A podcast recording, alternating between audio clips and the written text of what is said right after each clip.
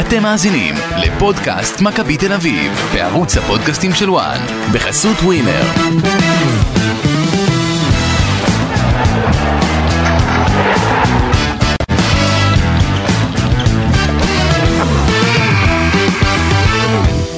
טל בן חיים היה אחד מהכדורגלנים הגדולים שיצאו מישראל. סמל למקצוענות והצלחה, זה שהגיע ממכבי תל אביב עד צ'לסי, שיחק תחת ז'וזה מוריניו ורשם לו פחות מ-96 הופעות במדי נבחרת ישראל. לפני שנה וחצי הוא פרש, עכשיו הוא מוציא ספר שמספר על הקריירה שלו, ספר מאוד מאוד מעניין שחושף מה קורה מאחורי הקלעים ובחדרי ההלבשה. ואנחנו כאן, אסי ממן וגידי ליפקין עם טל בן חיים כדי לדבר בדיוק על זה. שלום גידי, שלום טל. שלום. שלום וברכה. אגב, אתה יודע, אסי, שעשינו את המנגינה של מכבי תל אביב, אתה יודע, ראיתי כזה טל כזה, העיניים שלו בעקו כזה. אה, לגבי הפודקאסט, הפתיח. כן, מה, טל? שמעת? לא, ת- מכבי תל אביב אה, זה מועדון שגדלתי בו. אה, שיחקתי שם הרבה מאוד אה, שנים, מגיל 6 עד 22. חזרתי לשם אחרי 11 שנים, אז תמיד יש למועדון הזה פינה חמה בלב שלי. היית רוצה לסיים אחרת את הקריירה במכבי תל אביב, אגב? תראה, באותה תקופה מאוד רציתי להמשיך במכבי תל אביב, לשחק עוד אה, שנה. דברים לא הסתדרו כפי שרציתי, כפי שציפיתי, ועברתי לביתר ירושלים, משהו שאני לא מצטער עליו. אבל זה יושב לך כזה על הלב שרצית לסיים אחרת? אה, זה ישב, זה ישב, אבל אני... קרו כל כך הרבה דברים מאז, שאני הבנתי שהכל אה, קרה לטובה. אה, רציתי לשחק במכבי תל אביב עוד אה, שנה, ואז לראות מה האופציות שלי. ובדיעבד, כשאני מסתכל אחורה, שיחקתי עוד שלוש שנים בביתר ירושלים, שיחקתי במועדון ש... מועדון גדול שקיבל אותי מאוד יפה, הקהל. אז uh, בסופו של דבר אני חושב ש... שהדברים הסתדרו לטובה. תגיד, הספר עכשיו שאתה הוצאת, בכוח הרצון, זה במקום ללכת לפסיכולוג, הספר הזה, כי אתה, אתה יודע, כשאני מסתכל על הספר, יש שם מלא דברים כאילו שהוצאת, ששמרת, אגרת הרבה הרבה שנים בתוכו, בבטן שלך, וזה נראה כאילו, אני עכשיו ריפוי ועיסוק, זה כאילו התרפיה, משהו לתרפיה? מה? איך אתה מגדיר את זה? זה אה, הפסיכיאטר, פסיכולוג שלך, מה? תראה, אני כל השנים, אה, אבא שלי הוא היה החבר הכי טוב שלי, היה הפסיכולוג שלי, תמיד אה, הוא היה מודע להכל, הייתי משתף אותו בכל דבר הכי קטן. וברגע שלקראת הפרישה כבר התחלתי לכתוב, ופתאום אף פעם האמת לא ידעתי שאני יודע לכתוב. אפילו לאשתי לא כתבתי ברכה ליום הולדת כי לא ידעתי לכתוב, תמיד טענתי אני לא יודע לכתוב. ופתאום כשהתחלתי לכתוב אז דברים אה, יצאו והרגשתי גם אני ראיתי את זה, אגב, עשית כמה טורים בוואן, שאתה כתבת אותם בעצמך, לא כתבנו לך אותם וזה, וזרמת יפה איתם. כן, אה, עשיתי כמה טורים שראיתי את המשחקים וככל ש, שכתבתי אז הדברים אה, התחילו לזרום לי יותר טוב. אז עכשיו לאשתך אתה צריך, אה, מיכל, להתחיל לכתוב לה ברכות ליום ההולדת? כן, נפלתי, אין ברירה. כן, עלתה עליי. לא, אבל... אה, אבל, אבל אם שאתה מסתכל באמת על הספר, זה מין, מה, תרפיה? כי יצא לי לדבר איתך לאחרונה לא מעט, כאילו, על הספר ועל מה הוביל אותך, וגם ליוויתי אותך במהלך הכתיבה, וגם היית מספר לי, אני כותב ככה, ועשיתי ככה, זה גם שלוש שנים לקח, כי בין לבין אמא שלך, זיכרונה לברכה, נפטרה, ואז עשית הפסקה של שנה, נכון? לא היית יכול לכתוב, מה, מה היה בדיוק באותו... אה, כן, הייתה לי שנה מאוד מאוד אה, קשה. אה, עד היום, האמת שזה מלווה אותי כל יום. אני הולך לישון עם זה ומתעורר עם זה בבוקר, עם האובדן אה, של אימא שלי. אה, אז היה, הייתה לי תקופה מאוד קשה שהייתי יושב, כותב, מתחיל לכתוב, לא כותב, מתחיל ממש אה, שורה ו... ונשבר ומתרסק ומפסיק וחוזר אחרי חודש רק ועוד פעם אז בערך שנה הייתה לי תקופה מאוד קשה שלא יכולתי להעלות את הדברים על הכתב עד שעדיין היה לי מאוד מאוד קשה אבל החלטתי שאני חייב להתמודד עם הקושי הזה גם ולכתוב את הדברים. ובגדול הספר שלי הוא איך ילד מראשון לציון שלא נולד עם הכישרון הכי גדול מגיע לפסגות של הכדורגל העולמי לקבוצות כמו צ'לסי ומנצ'סטר סיטי ולהיות אה, קפטן נבחרת ישראל אה, באמצעות אה, עבודה מאוד קשה רצון בלתי רגיל עם תשוקה מאוד מאוד גדולה והמסר שלי ל... לילדים לנערים וגם לבוגרים ש... שחולמים ורוצים אה, להגשים את עצמם ולא רק אה, לאו דווקא בכדורגל בכל תחום שהוא זה שהבלתי אפשרי הוא רק בראש שלנו. תגיד, אנחנו בסופו של דבר אחראים לתוצאות שלנו. כן, רציתי לשאול, כי גידי, גידי שאל את זה כבר, אבל אני שואל את זה בצורה קצת אחרת. קודם כל, מאיפה בא הרעיון לספר? זה מאוד מאוד מעניין אותי, כי אני יודע שזה זה בעיקר זה קורה יותר באירופה, פחות פה בישראל. למה, אסי, לאחרונה אנחנו רואים כל שחקן אה, עכשיו כותב נכון, ספר. נכון, זה הגיע, זה הגיע קצת יותר לפה. זה קצת יותר, כבר יש פה, אתה יודע, ערן זהבי כתב, אתה יודע, בעבר. לא, אבל ערן לא כתב ערן בעצמו. לא כתב, נכון, לא כתבו כתבו עליו. עליו. אה, מליקסון כתב עכשיו ספר. נכון. אה, אבל- קצת אחר, יותר הומוריסטי. אה, אני יודע שליניב ברדה עכשיו כותב ספר גם. אני רוצה לשאול אבל, א', מאיפה זה בא? ב', האם זה היה חלק מה... מההליך הזה של הפרישה? כי בסוף, כשכדורגלן מתכונן לפרישה, הוא אומר, אני לא יודע מה אני אעשה ביום של... שאחרי, ב... ב... מה אני עושה אחר כך? יכול להיות שזה גם היה חלק מהתהליך של הפרישה בעצם?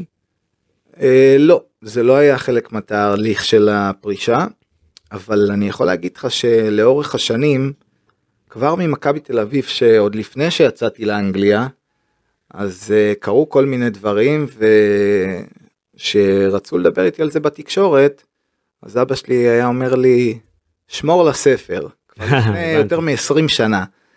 והיינו אז צוחקים. עמנואל, כן. עמנואל מנו הוא זה שהגה את הרעיון לספר? מה? כן, אבל אז, אה, אתה יודע, זה היה כמו בדיחה שלנו כן, כזאת. בדיחה פנימית. כן, בדיחה פנימית אה, שלי ושל אבא שלי, שכל סיפור שקורה ואני לא יכול להוציא אותו כרגע לתקשורת, כי אני עדיין שחקן פעיל ו... ואני לא רוצה לפגוע באף אחד, ואני לא רוצה להוציא את הדברים ולהישאר, אתה יודע, להתרכז במה שאני טוב בו, וזה לעלות על המגרש ולעשות את העבודה שלי. וככל שהסיפורים התחילו להיווצר ו- ונערמו הרבה מאוד סיפורים נאספו לאורך השנים. אז uh, החלטתי לפני שלוש שנים שאני מתחיל לכתוב את הסיפורים האלה. ולאט לאט... כמה אה, זמן כל פרק לקח לך לכתוב? אה, האמת שאני כתבתי בהתחלה את הכל בתור אה, סיפורים, ולאט לאט, אתה יודע, פירקנו את זה לפרקים ולתתי פרקים, ואת הסיפורים היותר מעניינים ואת הפחות מעניינים אה, הוצאנו, ותהליך... אה, אה, אני חייב לומר, זה קודם כל ספר מצוין. אה, אומנם לא, לא קראתי את הכל, אבל ממה שהספקתי לקרוא מעניין מאוד. אה, מומלץ אה, אנחנו- לכולם לקרוא. בדיוק. איך המכירות על? המכירות בסדר, אנחנו בהתחלה, ו... כמה עותקים אתה רוצה, תכננת להגיע למכירה? תהיה מרוצה. אני לא הצבתי לעצמי איזשהו יעד שבו אני רוצה לעמוד. היעד שלי הוא לנסות להגיע לכל מי שיש לו חלום ורוצה להצליח, וזה לא משנה אם זה שחקן כדורגל או שחקן כדורסל או שחקן אה, טניס או איש עסקים. אני חושב שגם אנשי עסקים יכולים למצוא הרבה דברים חופפים, כי בסופו של דבר זה הכל אה, התייעצת עם אנשים ש... רצונות ותשוקות של יצא לך אנשים. להתייעץ עם אנשים שכתבו ספרים לפני כן? אה, לא, יצא לי, לקחתי, בהתחלה התייעצתי, כל דבר שאני עושה אני רוצה לעשות אותו בצורה הכי טובה, אז אה, הלכתי להוצאה של ספרים מאוד מוכרת, ואמרתי להם שאני רוצה לכתוב ספר, אז הם אמרו שזה לא כל אחד יכול לכתוב, צריך אולי לקחת סופר. אז אה, אתה אומר זלזלו בך, לא, לא זלזלו, אבל... אה, לא אתה- לקחו אותך ברצינות. כן, ב... לא לקחו אותי ברצינות בנושא הזה. אה, מישהו שלא קשור לכדורגל אגב, אין לו מושג מי אני, ו... ואז אה, שאלתי אותו, אה, מי החמישה, הסופ... מי החמישה הסופרים הכי טובים בארץ שאתה ממליץ עליהם? אז הוא הסתכל עליי והיה בהלם מהשאלה, אה, ונתן לי חמישה סופרים, והתקשרתי לכולם, והתקשרתי לאייל מגד, כן. אחד מהם מהחמישה. שאייל מגד קצת מורה בספורט והכל. כן. אה, התקשרתי גם לאשתו דרך אגב לפניו, אוקיי. כן, לצוריה. אה, והיא אמרה לי, אני פחות אה, מתמצאת בכדורגל, אבל אולי תדבר עם בעלי. מי זה בעלך? אוקיי. אה, הוא גם סופר, מי זה בעלך? אייל מגד. אמרתי לה, אוקיי, הוא הבא ברשימה בדיוק. אה. אז אה, התקשרתי אליו, נפגשנו, אה, שלחתי לו, הוא אמר לי שאני אשלח לו מה שכתבתי בינתיים. ושלחתי לו את ה-20 עמודים הראשונים, והוא קרא אותם ואמר לי על העמוד הראשון שהוא הוא לא היה נוגע אפילו בפסיק, וכתבתי מאוד יפה, ורצה שאני אכתוב עוד. ולאט לאט אה, הוא נתן לי ביטחון בעצם שאני כותב טוב, ו... ועשיתי את זה בסוף אה, לבד. אז לאייל מגד יש חלק פה, יש פה חלק גדול, אה, חלק מההשראה אליך? צוריה לא, שלו זה אשתו לך, שלו. אה, צריך כן. צוריה שלו. זה, זה נתן לך כאילו אה, איזושהי הרגשה טובה שאתה עושה את בדרך הנכונה. שסופר כן. כזה אה, ומשורר כזה, נתן לך כאילו את הטיפ, אתה בסדר. נתן אז- לי ביטחון כן. שאני כותב אה, טוב. כמו המאמן שנותן לשחקן, מתחיל. כן, למרות שלפני ששלחתי לו, שלחתי לאבא שלי ואומר, אתה הכל בסדר, תעשה לבד, אתה, אתה בסדר. תגיד, האבא שלך, אתה יודע, יש לכם הרי קשר בלתי שגרתי, מיוחד מאוד. הרי כל משחק, או שהיית רואה אותו, את המבט פנים במחצית, אם לא היית מדבר איתו. הוא כתב על זה על השריקה, הוא היה שורק לו לפני. כן, תן לי רגע אבל איזה משהו, אתה ב- גם בצ'לסי, תן לי במחצית בצ'לסי, אתה נכנס שם לשירותים, מתחבא לשאר השחקנים, פתאום שומעים אותך בעברית, איך, איך זה מתנהל? אתה עכשיו במשחק חוץ ביונייטד, כן? איך אתה נכנס שם, זה מה? הרי היה לך מקרים בטח שקשה, פתאום המאמן נכנס, איך אתה כאילו אנחנו, אנחנו יכולים לתת קצת ספוילרים, לא? לא, ברור, קודם כל, קודם כל אני מפרט על המערכת יחסים אה, בספר, אני מפרט על המערכת יחסים שלי עם אבא שלי, בכלל עם כל המשפחה גם אני חושב. כן, שליוו אותי בצורה מאוד מאוד צמודה, אה, על השריקה של אבא שלי, שלפ... שלפני כל משחק, לא משנה אם יש 40 אלף איש ברמת גן, בגמר גביע, או שאנחנו בוומבלי 90 אלף איש, אז אני שומע פתאום את השריקה של אבא שלי, ואני, גם אם אני לא יודע איפה הוא יושב, אני מסובב את הראש, אני, ותוך מספר שניות אני מוצא אותו, כאילו יש לנו איזשהו... הדר. כן, כאילו אנחנו מחוברים בנשמה.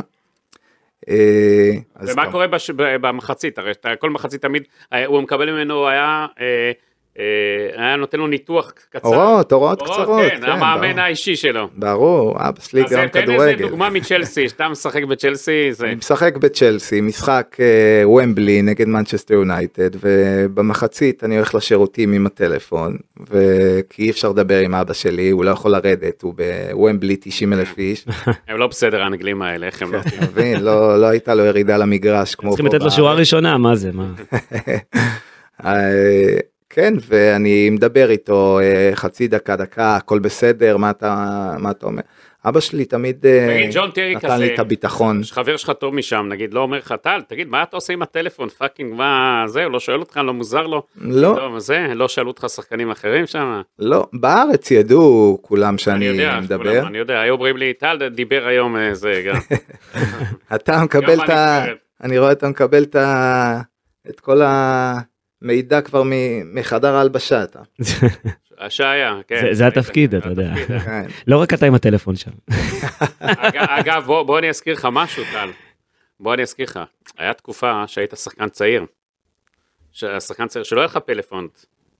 ולא היית זה, אתה יודע, היית, עוד לא היית הכוכב הגדול אה, שמשחק באנגליה והכל, ולא היית מסתובב עם טלפון, ואני אפילו זוכר שבאחת הנסיעות של הנבחרת, או מכבי שהיית צעיר, נתתי לך את הטלפון שלי, הרמת טלפון לאבא שלך, כן. אז כן, אה, אז גם אתה עזרת לחיבור. אז. גם. עזרתי.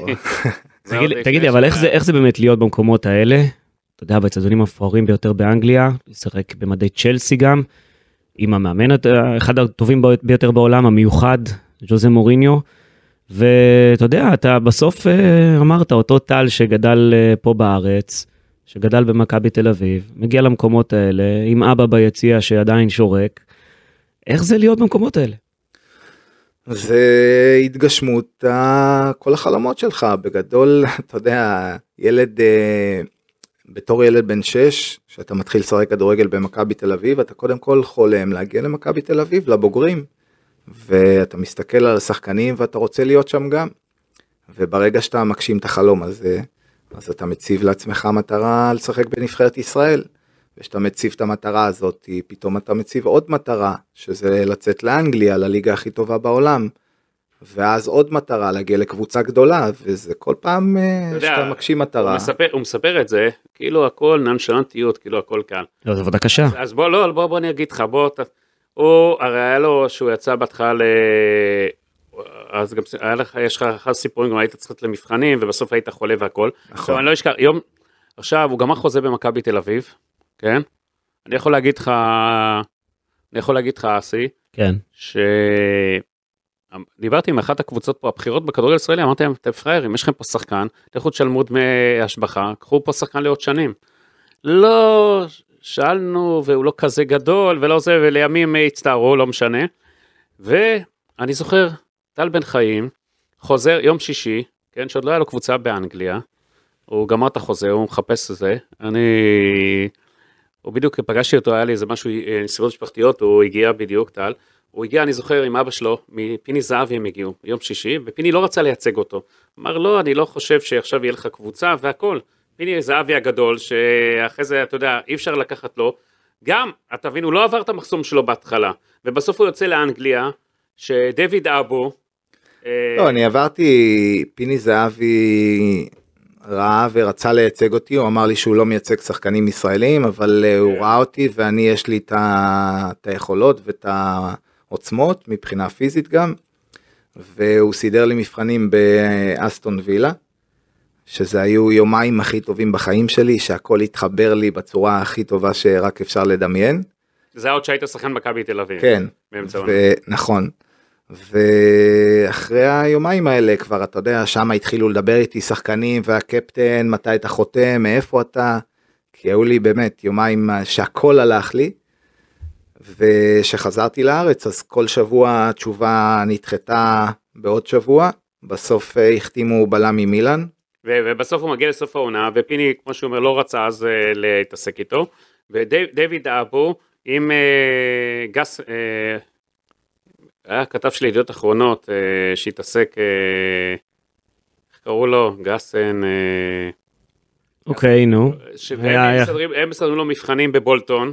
אתה יוצא למבחנים בבולטון, זה לא. פשוט, אתה יודע, זה לא הכל סגת שור של השנים, הוא יוצא למבחנים שם בבולטון, ואז אה, הוא שם ראשון בכושר בכל דבר, הוא, הם, ש, הוא מטריף שם את כל הקבוצה, כי הוא, הוא בא בכושר שיא, הוא הכין את עצמו למבחנים, הוא בא בטירוף, אני זוכר את הימים האלה, כן, ואז בסופו של דבר הוא עובר את המבחנים, זה לא שלקחו אותו, אתה יודע, הוא היה חופשי, הוא עבר מבחנים מפרכים מאוד, כן אני עברתי. הוא אתה רואה איך הוא יודע את כל ההיסטוריה. אני זוכר טוב את כל ה... הגעת לשם בזכות, זאת אומרת, לא בעבודה קשה. כן, אני הגעתי לשם למבחנים בבולטון גם, ואחרי יומיים של אה, מבחנים שהיו טובים, אה, הם ביקשו שאצטרף עליהם למחנה אימון בפורטוגל, בספורטינג ליסבון. אה, היה לנו משחק נגד ספורטינג ליסבון, נשארנו בעשרה שחקנים, היה לי משחק טוב, וחזרנו לאנגליה. הם אומרים לי שהם רוצים להחתים אותי, ומציעים לי משכורת שאפילו בארץ יכלתי להרוויח יותר כסף. ואבא שלי בפעם השנייה בקריירה אה, אומר לי אל תסתכל על הכסף, תחתום. הכסף מה ש- יגיע אחרי זה. כן, תחתום על מה שהם אומרים לך, שאתה תהיה טוב, הכסף יגיע. והיה לי גם מאוד קשה, כי כבר הוכחתי את עצמי שלוש שנים בישראל, כבר הייתי שחקן נבחרת, קפטן מכבי תל אביב. אה, זה הכל מההתחלה, כאילו. כן, זכיתי באליפות, בגביע, וקיבלתי משכורת חייל, שכולם הרוויחו סכומים אה, נכבדים. מכבי תל אביב אפילו נסיעות לא רצו לשלם לו, אני זוכר טל. כן, הרווחתי 3,850 שקל. וואו, כן. מזה מתחילים, אתה אומר. זאת ההתחלה, למרות ששחקנים קיבלו 40 ו-50 אלף דולר מענק אה, אליפות, מענק גביע, ואני עדיין על משכורת חייל. ואני מגיע לאנגליה, ועוד פעם, אני, אחרי שאני מוכיח את עצמי, אני צריך כבר לבנות הכל. שחקן, אה, נבחרת, ולקחתי אליפות בארץ וגביע, ועברתי מבחנים, ורוצים אותי, ועדיין מציעים לי סכומים אה, נמוכים מאוד. ואבא שלי תמיד היה שם עבורי כמה זה היה החוזה הראשון שלך באנגליה? 150 אלף דולר. זאת אומרת, אה, שזה כולל שאתה צריך לקחת דירה מעל חשבונך ואוטו והכל, אני זוכר. ההוצאות היו בערך חצי מהמשכורת. או-אה. כן. וואה. כן, המחיה באותה, באותם זמנים הייתה... אה, יקר מאוד. כן. וזה היה שלוש שנים ככה, זאת אומרת, נכון? בבולטון. אה, היה לי שכל עשרה משחקים שאני משחק, אז הסכום עולה, עד שמגיע למצב אחרי 30 משחקים שצריך לדבר על חוזה חדש. ואז אתה עובר לצ'לסי בעצם, אחרי שאתה מסיים את החוזה שם. אה, כן, צ'לסי כבר הייתה פגישה איתם שנה וחצי לפני שסיימתי את החוזה בבולטון, והדברים לא הסתדרו, בולטון אה, עשתה הישגים יפים מאוד באותם שנים, והם לא הסכימו לשחרר, אז אני עובר אה, בתום החוזה שלי אחרי השלוש שנים. אתה מגיע לקבוצה גדולה. צ'לסי זו קבוצה גדולה באותם זמנים, אוקיי, הרבה מגיע, כסף. הוא מגיע לצ'לסי, אנחנו חייבים, ואז אחרי תקופה, אתה יודע, מוריניו מביא אותך מיוחד, שהיום הוא כבר לא מיוחד כזה. איך אתה, אגב, תכף אני רוצה, אנחנו ניגע בכל הסיפורים של צ'לסי, איך אתה מסביר את הנפילה הזאת של מוריניו, אגב, בין מה שקרה לו? קודם כל אני, מי שמכיר אותו, הוא תמיד יהיה מיוחד, הוא תמיד מיוחד. אתה בקשר עוד- איתו עוד? כן. למה הוא תמיד יהיה מיוחד? הוא פגשתי אלפי אנשים אה, לאורך ה... לא רק הקריירה, במהלך החיים שלי, ולא נתקלתי באישיות כזאת, בבן אדם כל כך כריזמטי, שלפעמים הוא לא צריך לדבר איתך אפילו, הוא רק מסתכל עליך ואתה יודע מה הוא רוצה. מהמם. מזכיר לי שהייתי ילד, אבא שלי רק היה מסתכל עליי עם המבט, כבר הייתי יודע מה הוא מתכוון. ולמה הקריירה שלו לא, כאילו, צמחה, כמו שחשבו? תראה, יש הבדל בין כאילו המיוחד והפאסון מה, והכריזמה. מה זה מיוחד? אה, תראה, מבחינת ההישגים היש- שלו. אי אפשר להתווכח עם ההישגים, כרגע זה אחד המ- המאמנים שהשיגו, שיש לו את ההישגים הכי גדולים ב- בעולם. כן, אבל חשבו שבהרבה יותר, אתה יודע, יש לו עליות וירידות. אה, תשמע, הוא בצ'לסי הוא השיג, הוא לקח אה, אליפויות וגביעים ובנה קבוצה שרצה במשך אה, עשור, שהוא בנה אותה מאפס, אה, עם שחקנים שחלקם לא היו מוכרים ונהפכו לכוכבים הכי גדולים בעולם. אותו דבר ב... באינטר, בריאל מדריד, אז חששת אבל כשהוא הגיע, אתה יודע, כי בסוף יש איזו שאלה מסוימת כלפי, סביב המאמן הזה. לא, הוא לקח אותו. הוא מגיע, כן, כן, הוא מגיע ל- לקבוצה שלו, ואתה חששת אם תשחק, לא תשחק, כי בסוף, אתה יודע, באנגליה גם השמות, זה גם, אה, גם משחקים תפקיד. זאת בדיוק השאלה שאבא שלי שאל אותו שנה וחצי לפני שחתמתי שם. וואה, כן. כן, הוא אמר לו, תשמע, הוא משחק פה, אני לא רוצה שהוא יבוא ויהיה קישוט. הוא אמר לו, אתה לא מכיר אותי. שמות לא משחקים אצלי, מי שטוב משחק. והעובדה היא ששיחקתי בכל המשחקים הראשונים עם מוריניו. אז אה, גם בתחילת העונה שיחקתי את כל המשחקים. פתחנו את העונה, שיחקתי את כל המשחקים בליגה, אז... אה, אוקיי, ואז מגיע אברהם גרנט, שכבר ליווה את הקבוצה כנציג הבעלים, רומן אברמוביץ'. עשית אותו נציג הבעלים כבר. הוא היה נציגו בקבוצה בהתחלה, לא? מה הוא היה? אני לא יודע, אתה תגיד לי. מה, הוא לא היה? יודע, אבל הוא היה, נכח באימונים קצת. כן, נכח, לא, אני לא, אני שואל. הוא לא היה מטעם עצמו, נכון? הוא הוא היה מטעם אה, הבעלים של הקבוצה שהיה אז אה, רומן אברמוביץ', ואז מוריניו. אה, נפרד מהקבוצה, מפוטר על ידי אברמוביץ', וגרנט פתאום עושה רעידת אדמה, ממונה בוקר אחד למאמן הקבוצה, אתה חשבת שזה הולך לקרות? אה, יש מישהו בעולם שחשב שזה הולך לקרות? היית בשוק?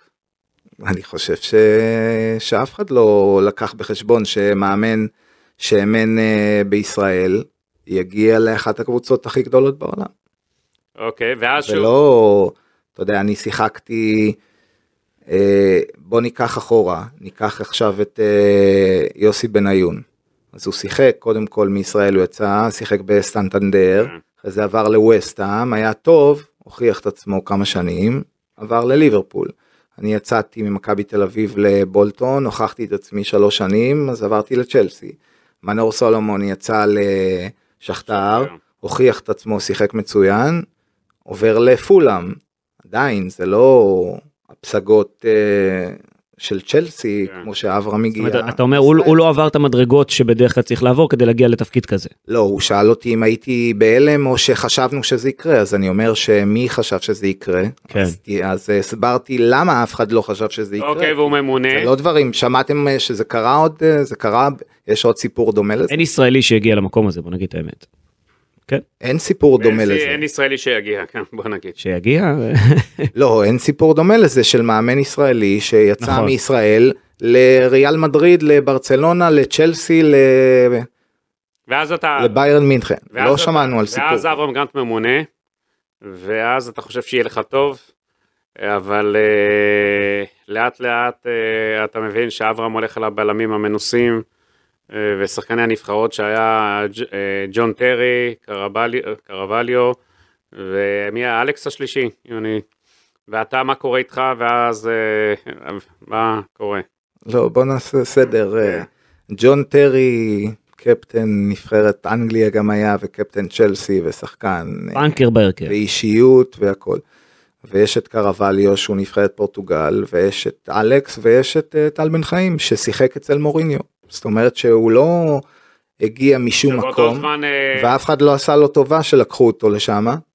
אז אה, אם אני משחק עם מוריניו, ואני טוב, וכמו שהוא הבטיח שמי שיהיה טוב ישחק, והייתי טוב ושיחקתי, אז כמובן שאני מצפה שתמשיך אותה גישה. לא ציפיתי להנחות מאברהם, לא ציפיתי לטובות מאברהם, ציפיתי שאם אני טוב אני אשחק, ואם אני טוב ואנחנו מנצחים 4-0, ומשחק אחרי זה אנחנו יוצאים 0-0, אז לא קיבלתי גול בשני משחקים, אז ציפיתי להמשיך. יש אה, מישהו אחר שהיה מצפה למשהו אחר? באות- באותו זמן קרווליו היה פצוע, לא? זה לא משנה אם מישהו היה פצוע או לא פצוע, קרווליו שיחק, אני שיחקתי, ג'ון טרי שיחק, פציעות הם חלק מהמשחק ובמהלך עונה כל כך ארוכה יש הרבה מאוד משחקים. העובדה היא שברגע ששיחקתי לא ספגנו בשני משחקים האחרונים ואז יצאתי מההרכב. תגיד, אה, ג'וזה מורינו כשהוא הגיע לצ'לסי אז הוא הביא איתו כמה פורטוגלים, בין היתר גם אה, ריקרדו קרווליו שדיברת עליו. זאת אומרת, אה, כשאברהם גרנט מגיע לצ'לסי, אתה בעצם מבין שמוריניו סוג של קידם את מי שבא מהמדינה שלו, ואברהם גרנט עשה משהו הפוך? במובן מסוים? קודם כל אני לא חושב שמוריניו עשה להם גם טובה בגלל שהם פורטוגלים. אני חושב שהוא הביא שחקנים מצוינים. מהמם. אה, ואם אני משחק אה, עם, אצל מוריניו ובא מאמן ישראלי ומוציא אותי אם זה בגלל שאני ישראלי ככל הנראה שהוא אתה- אחד מהתגובה של ה... של ה... אני לא יודע אפילו של מי זה אתה יודע אתה צריך לשאול אותו. למה אבל? למה? שאלת למה? שאלת למה. שאלתי למה ו? אה, אפילו ג'ון טרי בא באחת הפעמים ואמר לו שהשילוב שלי ושלו מצוין. ואמרתי את זה לאברהם, אברהם, כאילו ממה אתה מפחד? אפילו ג'ון טרי, הקפטן, אומר לך שהשילוב שלי ושלו הוא מצוין, אז כאילו ממה אתה מפחד? אז אברהם אומר לי, אל תאמין לכל מה שאומרים לך. אז אה, אתה יכול להבין מזה. ל- רגע, והיה עימות אחר כך, עליתם ביחד אתה וג'ון טרי אליו לחדר. היה כמעט עימות, אני לצערי לא רציתי, אם יש דבר שאני מצטער עליו, שלא הלכת עד הסוף. כן, שברגע שג'ון טרי בא והציע לי שנעמיד פנים מול אברהם, אז אה, לא רציתי ליצור לג'ון טרי אי נעימות. כי כל כך הערכתי אותו ומה שהוא עשה בשבילי היו עוד הרבה מאוד סיפורים שהוא תמך בי אז uh, זהו, בוא ניגע רגע בעניין הזה. רגע, אתה כותב בספר, כן. אני רוצה להקריא, כן, גידי? אני חוזר הביתה עצבני מאוד אחרי אימונים. כל החיים שלי משתנים פתאום, יש המון משמעות לחוסן מנטלי ולמצב נפשי ששחקן נמצא בו. הפעם אני מאבד מהר את הסובלנות. רק אני רוצה להוכיח את היכולת שלי, ולא נותנים לי לשחק. אני עייף יותר, לא אוכל טוב, מה שלא קרה לי מגיל 14, מאז שהבנתי את משמעות התזונה והשפעתה על הגוף בכלל ועל הספורטאים בפרט. אני במתח נפשי עצום. זה משפיע עליי ואני מגיע לאימון הבוקר שלפני המשחק קודח עם 40 מעלות חום. מה עבר עליך? אה, תשמע, החיים שלי השתנו פתאום. אתה מגיע לפסגת הכדורגל העולמי, אתה באחת הקבוצות הכי טובות בעולם, ופתאום מגיע מאמן ישראלי ומוציא אותך.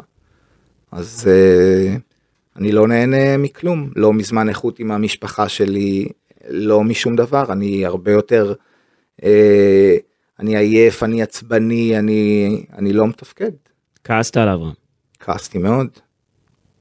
היה שלב גם שהוא אמר לך, אה, אחרי שפוצצת את הכל בריאיון אה, לסאן, אם אני לא טועה, כן.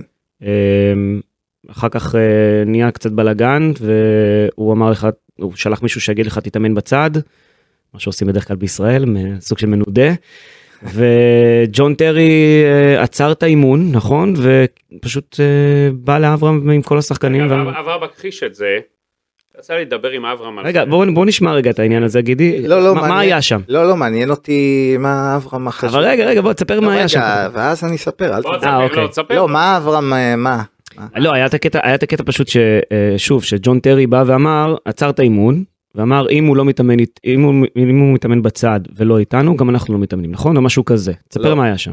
לא, לא, ג'ון טרי ראה אותי רץ אה, מסביב למגרש, מחמם. והקבוצה עשתה תרגילי חימום. ג'ון טרי קלט אותי בזווית העין, ואמר לחברים של הקבוצה, stop, stop, קרא לי טל, בוא. הגיע, אה, אה, הביא אותי ל...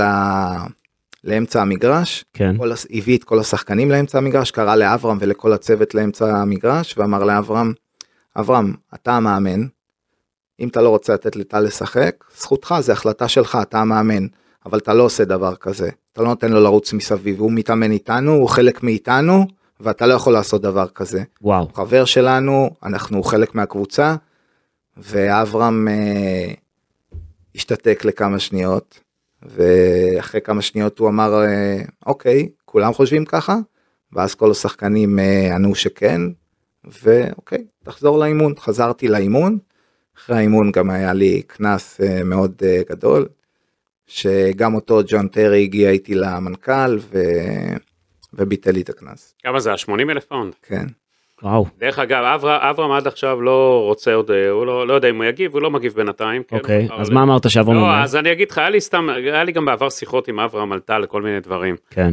כי אני ידעתי, אתה יודע, מה יש שם וזה, ושאלתי אותו על הסיפור הזה, אתה יודע, של הקנה, על ההורדה ל- לשחק בצד. אז הוא אומר לי, נכון, הורדתי, החלטתי לו לתת לו לשחק בצד והכל, זה, זה נכון, אבל לא בגלל ג'ון טרי השתנה זה, אלא בגלל מה? בגלל הכללים, שהוא הבין שהכללים של הליגה, צריך לעבוד, אבל אתה לא יכול לתת לשחקן לרוץ, לעשות לו מנודה, אה, אתה יודע, אמרו לו יש כללים. איך הוא הבין את זה? תוך כדי האימון הקבוצה עושה חימום, הקבוצה עושה חימום בצד, אני רץ מסביב, ואחרי חצי דקה הוא הבין את זה שהוא עומד במגרש, הוא הבין את זה. איך פתאום הוא הבין את זה? לא ידעו מה הוא הולך לעשות, שם ההנהלה, אני יודע מה, שהוא הולך לשים אותך בצד. אבל כבר התחלתי לרוץ לא מסביב. אז אמרו לו, לא יודע, שאמרו לו שהוא לא יכול לעשות את זה. לא היה כבר אף לא, אחד לא מההנהלה הייתי. במגרש. תגיד, טל, מה אתה לא חושב? שברת את הכלים אגב. אתה יודע, ישראלי בדרך כלל מאוד- מתחמם אה, צ'יק צ'אק. אז הייתי מאוד מאוד קרוב, אה, רק אה, אלוהים ואבא שלי עדים אני יכול להגיד לך, לעד כמה הייתי קרוב לשבור את הכלים. מה זה לשבור את הכלים? אה, אתה לא רוצה לדעת אפילו איזה אני רוצה סרטים, לדעת. איזה... אתה לא אני רוצה רוצה, לדעת. רוצה לדעת, אתה לא רוצה בוא לדעת. תן לנו. אתה אני, אני לא רוצה שתדע. אתה פותח את כל הסיפורים. אני חושב שאתה יודע, בסופו של דבר, רק מי שבמעמד הזה ומבין והגיע אחרי כל כך הרבה שנים, עכשיו אם הייתי מגיע בקלות והכל היה בא לי בקלות בקריירה שלי, אז איכשהו, אתה יודע, יש, עוד הייתי עוד יכול אולי, לא יודע, לקבל, אפילו, גם לא. אבל ברגע שאתה מגיע בעבודה כל כך קשה, עכשיו שאני אומר עבודה קשה, זה לוותר על, על כל הדברים, על הילדות שלך. דרך אגב, אני לא מצטער על כלום, כן? אבל זה לוותר על אה, חברים, על בחורות, על בילויים, על ללכת אפילו לטיולים שנתיים, לא יצאתי לטיול שנתי. כאילו רק לפני שנה, אני בן 40 עכשיו, בגיל 39 הייתי בחרמון פעם ראשונה בחיים. כן, לא הייתי מוכן להפסיד אימון. אה, שכולם יצאו ובילו אז אני הלכתי לישון וקמתי מוקדם ועשיתי שניים ושלושה אימונים ביום. אז כל כך כל עבודה כל כך קשה לאורך שנים ופתאום אה, כשאתה מגיע ל, לפסגת הכדורגל העולמי צ'לסי באותה תקופה זה אחת הקבוצות הכי טובות בעולם. יש לי שאלה, רגע, שאתה- ומגיע מאמן ישראלי ועושה לך דבר כזה אז המחשבות והסרטים שעוברים לך בראש הם קשה קשה באמת אה, להסביר אותם. טל, מה מה זה אתה לא רוצה לדעת מה? היית הולך מרביץ לו? הופך עליו שולחן, מה, מה רצית? אני שם את זה, אני מכיר את בוא נלך לקיצוניות, אני, אני יודע, כן. אסי, שאבא שלו מנע ממנו כמה פעמים במהלך הקריירה לעשות שטויות. אני לא רוצה להיכנס לפרטים, אבל... היית אה, מרביץ לו? אני לא רוצה להיכנס לפרטים. הוא היה הופך אותו, אסי, אני מכיר, הוא, אני מכיר את ה... וטל לא. היה באותה תקופה ג'ון בריון, אתה יודע. היה הופך אותו. לא, לא, הופך אותו. תשמע, אתה, אתה יודע, תחשוב שאני הולך לישון בלילה, באמת, ואני מתעורר עם אה, סיוטים. אתה הולך פתאום לישון עם אברהם ומתעורר איתו באמצע הלילה גם, וזה מלווה אותך כל יום, כל היום. זה משהו, זה, זה צלקת, אתה צריך להבין שברגע שאתה מגיע למעמדים כאלה, עכשיו, אם לא הייתי טוב, הכל בסדר. עכשיו בוא אני אלך איתך יותר רחוק. אברהם הוא המאמן, אוקיי? והוא מחליט שהוא לא רוצה את טל בן חיים. צדק, לא בצדק, עושה לי דווקא, לא עושה לי דווקא, אני טוב, לא טוב. רגע, רגע, אני רוצה... עזוב, לא, זה אני שם הכל בצד. כמה זמן הסיוטים האלה נמשכו? הרבה מאוד זמן. הרבה זמן. אני יכול להגיד לך שלפעמים אה, עד היום דברים שאני חושב עוברים לי בלילה, ועד היום דברים אה, מלווים אותך. מה, באמצע הלילה? כן, אתה פתאום אה, חולם על התקופה ונזכר בדברים, ודברים צצים לך אז, אז, וצפים כל, לך. אז כל הספר הזה זה, זה מין אה, טיפול פסיכיאטרי, לא? לא התחלנו את לא, זה... ממש אה, לא, טיפול אני- פסיכולוגי, שבמקום ללכת לפסיכולוג. לא, לא, אתה יודע, אתה חושב שהקריירה שלך הייתה מגיעה אחרת? למקום לא, אחר, למקום אחר זאת אומרת. כן. מה זה למקום אחר? אני חושב שהייתי יכול לעשות קריירה יותר ארוכה ב... בטופ, כן. אברהם גרנט עצר אותך במובן מסוים את ההתפתחות שלך בקריירה? לא במובן מסוים, ב... כמובן שכן, סימן קריאה, זה לא... אין פה שאלה בכלל. זאת אומרת אם לא אברהם גרנט היית מגיע למקום יותר גדול כמו שאתה חושב. אה, אני לא חושב שיש מקום... היית אה, נשאר בצ'לסי כמה שנים? אני חושב? חושב שכן. וזוכה איתם בתארים ואליפויות וגביעים? תראה, בסופו של דבר זה כדורגל וזה מקצוע מאוד מאוד נזיל ואי אפשר לדעת מה היה קורה. אולי הוא היה בועט במקום אבל- ג'ון טרי את הבעיטה הזאת בגמר ליגת אלופות. כמו שאני מכיר אותך, גם לג'ון טרי היית לוקח את הבעיטה. לא, לא, ג'ון, עד ג'ון אני טרי. מכיר אותך טל. לא, לא, עד ג'ון אה. טרי, היה בינינו, אתה יודע, כבוד כל כך גדול ובאמת אה, הערכה.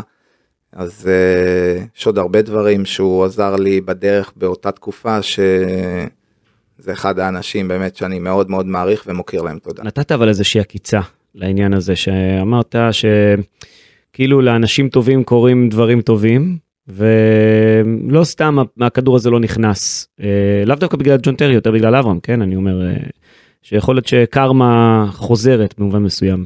אה, אני חושב שכן, שיש קרמה בחיים. לפעמים, אתה יודע, יש גם משפט שאומר, עד מתי אה, רשעים יעלוזו, שאני לא מכוון אותו כרגע לאף אחד. אני אומר ש... זאת אומרת שאין חוקים בחיים, שלפעמים, אתה יודע, דברים אה, טובים קורים לאנשים אה, לא טובים, ודברים לא טובים קורים לאנשים טובים, אז אין חוקים בחיים. אני חושב ש... במיוחד ב... עוד מעט שנתיים במאי זה יהיה, אחרי שאימא שלי נפטרה אז הבנתי את זה. הבנתי פתאום שכל מה שהאמנתי בו, הוא, הכל השתנה לי, מול, הבל הבלים. כן, הכל השתנה לי מול העיניים, ופתאום דברים שהאמנתי בהם מאוד אה, קרסו. אה, כי עם אימא שלי שבאמת אה, הייתה מלאך, אה, אם זה קרה ככה אז אה, אי אפשר לדעת כלום, אי אפשר לדעת מה יקרה למי ואם אתה טוב או לא טוב.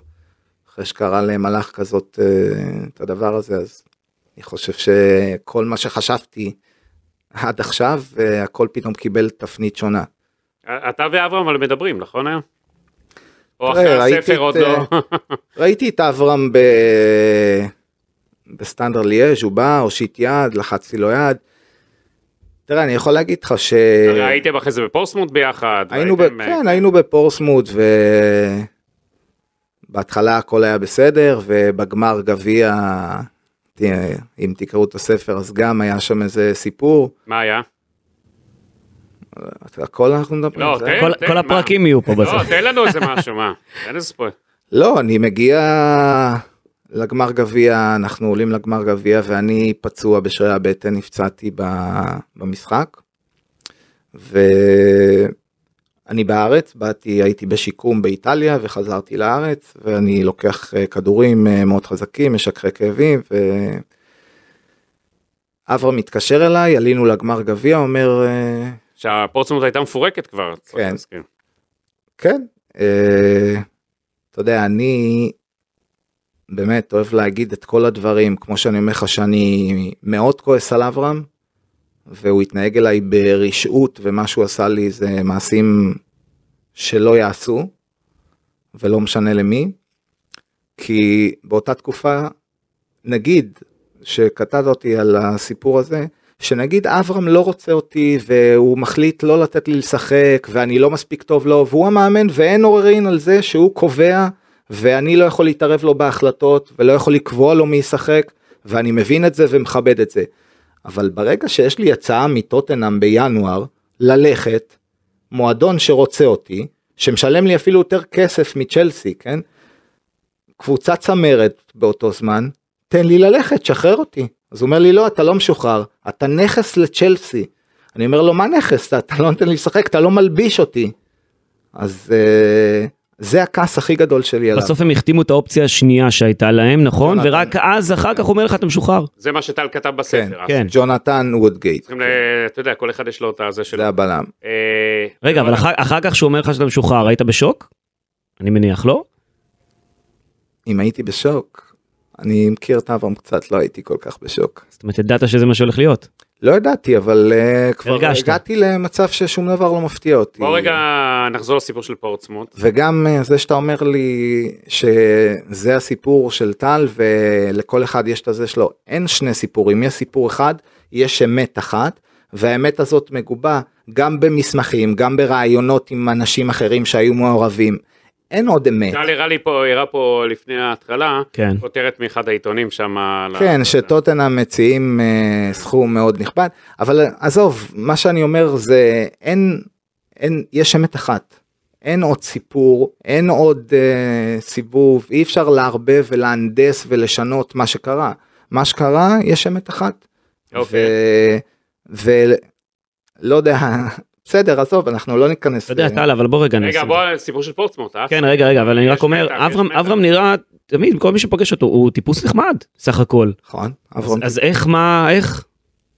איך זה יכול להיות? תראה, היה לי גם תקופות טובות עם אברהם, זה לא שהכל היה שחור. אוקיי. אז אה, קודם כל בנבחרת ישראל היה, היו יחסים אה, טובים מאוד, הייתי שחקן משמעותי אצל אברהם, אברהם היה מתייעץ איתי לפעמים על ההרכב וחושב מה דעתי, ובאמת שהיה, יחסים היו טובים.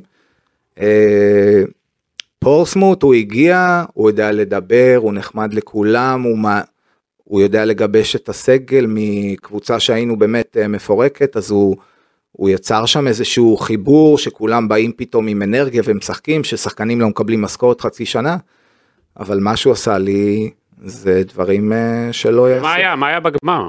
בגמר הוא אמר לי תבוא, שאתה היית בארץ. כן הייתי בארץ, והוא אמר לי בוא אני רוצה שתרים קצב, יש לנו גמר גביע. אמרתי לו אם אני, אם אתה רוצה שאני אשחק אז אני אבוא ואתחיל להרים קצב, אם לא, אז עדיף שאני אמשיך בטיפול, בטיפולים, במנוחה, יעשה שיקום כמו שצריך, שאני אוכל לפתוח את העונה הבאה כמו שצריך. לא, לא, אני צריך אותך, תבוא.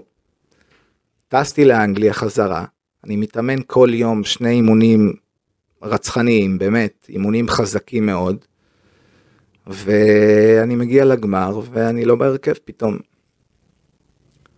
אז אה, זאת אומרת, הוא גם אה, הרס לך את ההכנות לעונה הבאה במובן מסוים עם הקטע של רצית להתאושש מהפציעה.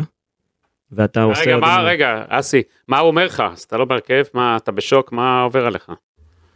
אני בשוק ואני אומר לו, אני יוצא מהמעלית, אנחנו עולים אחרי ארוחת ערב, הוא תרגל את האימון, נסענו למלון, ואני יוצא מהמעלית ופתאום אני רואה את אברהם מולי מהמם. בקומה, ואני אומר לו איך אתה עושה לי את זה, אתה לא מתבייש, עוד פעם אתה עושה לי את הדבר הזה, ואני ממש אה, מתחיל, אה, אתה יודע, להרים את הכל. ואברהם אומר לי, מה אתה רוצה, אני לא הבטחתי לך שתשחק, הם עשו תוצאות טובות. אמרתי לו, לא, אתה אמרת לי לבוא ושאני הולך לשחק. הוא אומר לי, הם עשו תוצאות טובות, והעלו אותנו לגמר, לגמר, ואני הולך עם אותם שחקנים. אמרתי לו, אין בעיה, אבל ידעת את זה גם לפני, אין בעיה. אתה לא רוצה לתת לי לשחק בגמר? בסדר, אבל ידעת את זה גם לפני, אז למה קראת לי? היית נותן לי לעשות את השיקום כמו שצריך. כן, תשמע, אתה... נכנסת לגמר? לא. מה עבר עליך? היו לך דמעות? מה? כן. אני... עלינו לחימום כל השחקנים, ופתאום השחקנים של צ'לסי באים אליי ומחבקים אותי, ואומרים לי חבל שעזבת, חבל שעזבת אותנו, אתה צריך להישאר. ובאותו רגע השחקנים עושים חימום, ואני נשכב על הדשא כאילו אני עושה מתיחות עם הראש למטה ו... ובוכה. 90 אלף איש בוומבלי, השחקנים מתחממים ואני מסתיר את זה שאני בוכה ושם את הראש למטה כאילו אני עושה מתיחות. גם אה, רגעים אה, לא קלים. ואבא שלך ביציע? כן, חשבתי שאני משחק אז ההורים שלי באו למשחק. וואו. כן. אתה יודע, אני עשיתי איתך אז את הרעיון שפרשת, ואז גם, גם ראיתי בהתחלת הדברים, לא, היה לך קשה לדבר על מכבי תל אביב, ואני ראיתי בעיניים שלך אז בזמנו, את הרעיון פרישה ארוך שעשינו, וגם בתחילת הפודקאסט הזה ששמו את הזה של מכבי תל אביב, ראיתי את העיניים שלך, והיה לך סיפור עם ג'ורדי קרויף במכבי תל אביב, ועוד סיפורים, ואז אמרת לי, זה לא הזמן לדבר, עוד יהיה מה שאני אדבר על מכבי תל אביב. אז עכשיו הגיע הזמן. הגיע הזמן עכשיו. כן, אני חושב, אתה יודע, כל הסיפורים, כל מה שהיה, אה, הוא באמת אה, מופיע בספר. ג'ורדי קרויף רצה אותי כבר אה, שלוש שנים לפני שחתמתי במכבי תל אביב, היה מתקשר אליי בכל קיץ, שזה הזמן לחזור הביתה, ותמיד התשובה הייתה שזה עוד לא הזמן, שאני עוד רוצה לשחק באנגליה, ש... שיש לי עדיין מה לתרום.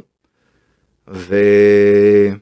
אחרי שחזרתי, דברים אה, לא הסתדרו כמו שרציתי, כמו מה? שחשבתי. מה למשל? אה, אחרי הפציעה למשל, אה, נפצעתי פעם ראשונה בקריירה, פציעה רצינית בברך, ואני עושה שיקום, אני לא משחק שלושה חודשים, אני עושה שיקום ופתאום אני מקבל טלפון מג'ורדי, איפה אתה? אני בפיזיותרפיה ב... בכפר סבא, והוא אומר לי, אוקיי, כשאתה מסיים, תבוא, תעבור אה, דרכי. הוא גר בתל אביב, מהמם. אני מגיע לבניין, אנחנו יושבים אה, בלובי, יש אה, פינה, חדר ישיבות כזה, אנחנו יושבים, וג'ורדי פתאום אומר לי אחרי שנה, שאני, הוא רוצה להביא עוד אה, שניים או שלושה בלמים, אחד ספרדי, אחד אה, ברזילאי, וכנראה שאני לא אשחק, ויש לי מספיק זמן למצוא קבוצה. רציתי להגיד לך את זה, לתת לך מספיק זמן, אני מכבד אותך. והייתי בהלם ממה שהרגע שמעתי, כי שלוש שנים ג'ורדי רדף אחריי ו... ורצה להחזיר אותי, נתן לי חוזה לשנתיים. ואני שואל את ג'ורדי שאלה אחת, אני אומר לו, תגיד, אתה קובע למאמן? אין מאמן. אה, פיטרו את המאמן בסוף אותה עונה. מי זה היה? אה, וידיגל, מהמם. אם אני לא טועה. כן, ליטו ודיגל. לא, לא, וידיגל זה שנה אחרי. אה, יוקנוביץ' עזב ל- לפולאם, נכון. וצריכים אה, למנות מאמן חדש, עדיין אין מאמן. אמרתי לו, שאלתי אותו שאלה אחת, תגיד ג'ורדי, אתה קובע למאמן את ההרכב? כשאתה בא ואתה רוצה להביא בלמים ואתה משחרר אותי, אז שאלתי אותו שאלה, אתה קובע למאמן את ההרכב? והוא אמר לי, לא. אמרתי לו, אתה יכול לתת לי מילה של גבר, ג'ורדי, שאתה לא מתערב למאמן בהרכב? כי אתה כרגע לא רוצה אותי, אז אתה לא קובע למאמן? הוא אמר לי, לא, אני לא קובע. ובאותו רגע באמת האמנתי לו, ואמרתי לו, אוקיי, אם ככה, אם אתה לא קובע למאמן, אתה יכול להביא בלם ברזילאי, בלם ספרדי, בלם איטלקי, תביא את מי שאתה רוצה, אני חושב שאתה לא יכול להביא מישהו יותר טוב ממני. המאמן החדש יבוא והוא ייתן לכל אחד מחצית, מחצית לי, מחצית לטיבי, מחצית לבלם הברזילאי, מחצית לבלם הספרדי, כל אחד הוא, הוא יתרשם מהם במחנה אימון, נכון? הוא אמר לי כן, אמרתי לו אוקיי. אז אני מאמין שאני אוכיח את עצמי. ואם לא, אז אתה לא תשמע ממני, ממני מילה. אני אחכה בסבלנות עד שאני אקבל עוד צ'אנס. ובאמת ג'ורדי לא התערב למאמן. מי המאמן? אה, שוטה ארבלת זה הגיע, כן. ושיחקתי אצלו את כל המשחקים, והייתי שחקן אה, מאוד משמעותי. ואז ביום האחרון של מועד העברות, קודם כל אה, אחרי ששוטה פוטר בינואר, אז ג'ורדי קיבל את התפקיד, ועשה סדרה נהדרת של אה, ניצחונות, ואני שחקן ששיחק את כל המשחקים, הכי הרבה משחקים, היה לנו טבלה של דקות במכבי תל אביב. אה, כמה כל שחקן משחק כדי לדעת העומסים ולהוריד וטיפולים. אה, דרך אגב אני חייב להגיד לכם שג'ורדי הכניס התנהלות אה, אירופאית למכבי תל אביב בפרטים הכי קטנים. אה, ואז אני מגיע ינואר ג'ורדי המאמן והוא מגיע אליי ואומר לי עוד פעם ש... שאני אחפש אה, קבוצה כי הייתה אופציה להפועל תל אביב.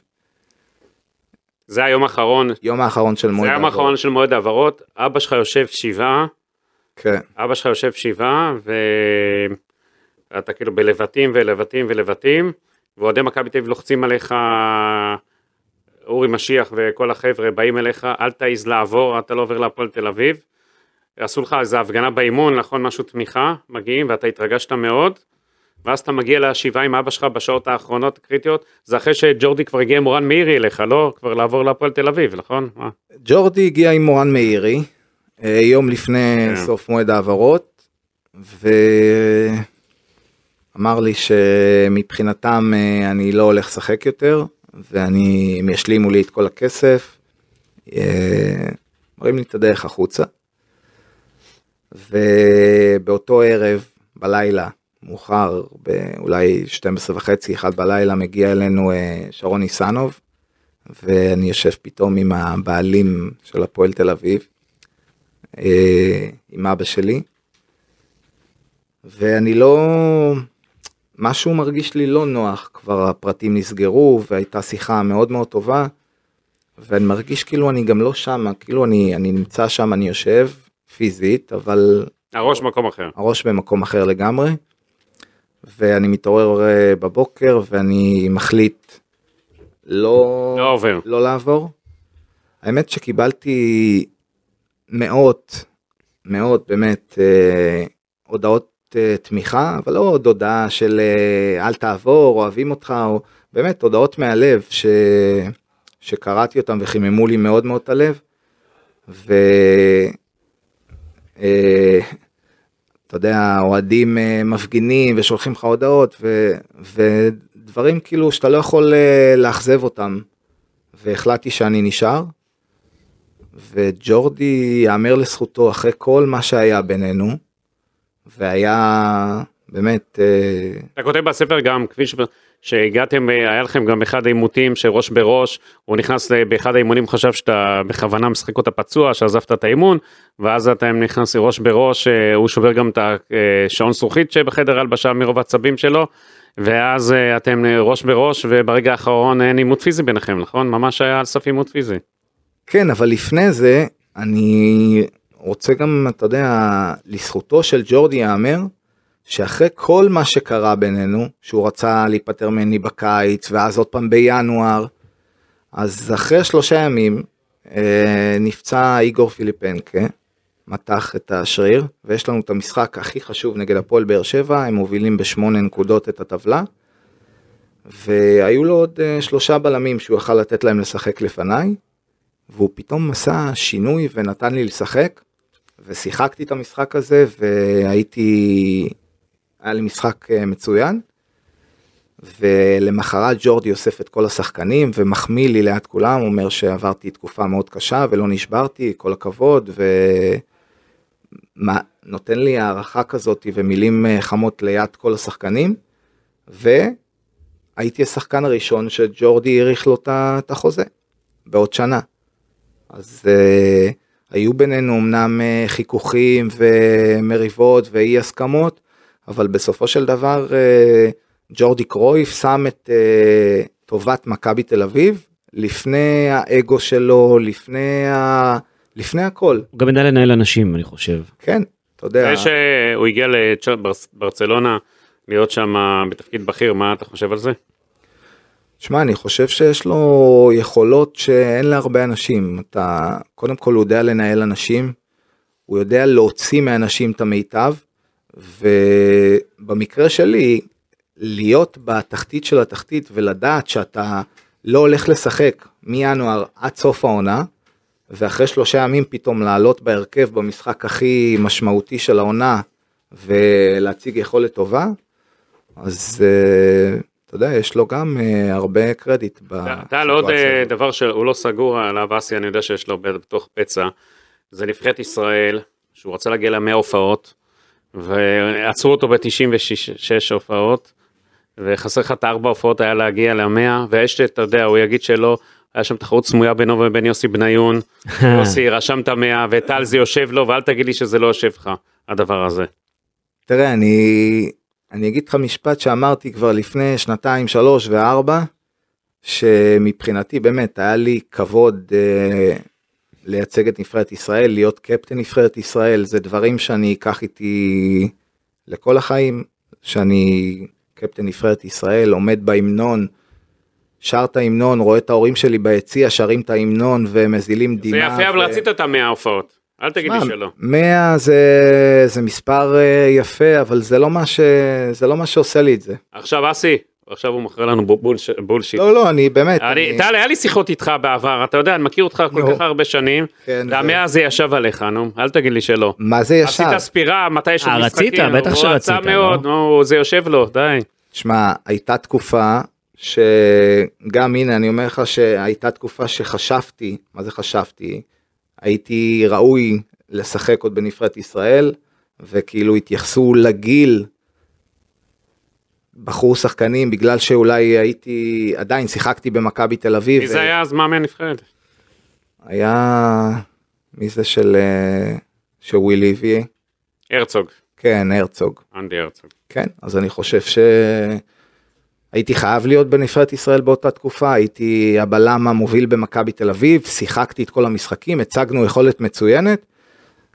אה, איתן טיבי באותה תקופה שאני אוהב אותו והוא אחלה שחקן ויש בינינו היום מערכת יחסים מאוד טובה, אבל באותה תקופה הוא ישב על הספסל במשך אה, ארבעה חודשים ואני משחק.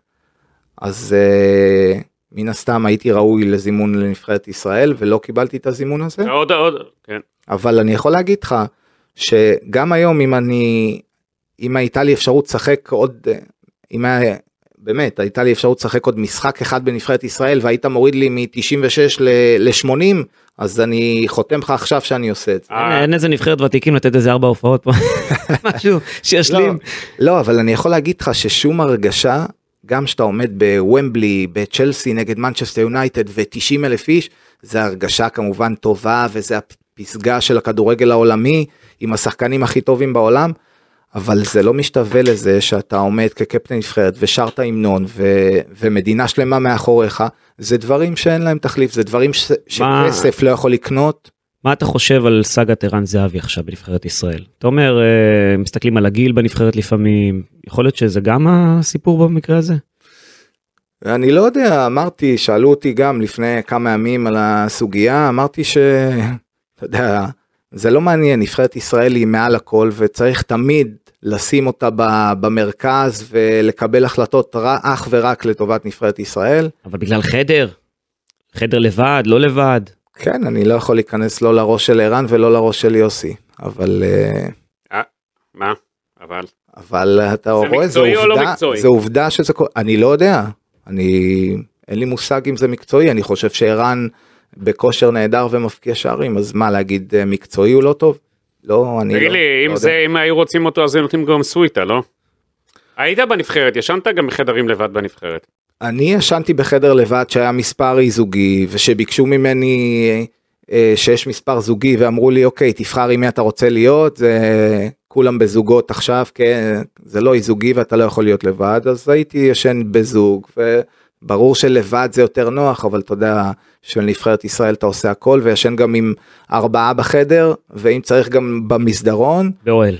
כן, ואתה יודע, ומהצד השני, אם חושבים שערן זהבי, הוא ראוי לנבחרת, אז מצידי תנו לו קומה שלמה. אני בתור אוהד נבחרת ישראל עכשיו, רוצה לראות נבחרת הכי טובה שיכולה להיות, שהשחקנים הכי טובים יהיו, ואז יש לך מנהל מקצועי ומאמן, שיבחרו את השחקנים שהם אבל רוצים. זה- זה זה לא קטנוני שזה נופל על הדברים האלה בסוף?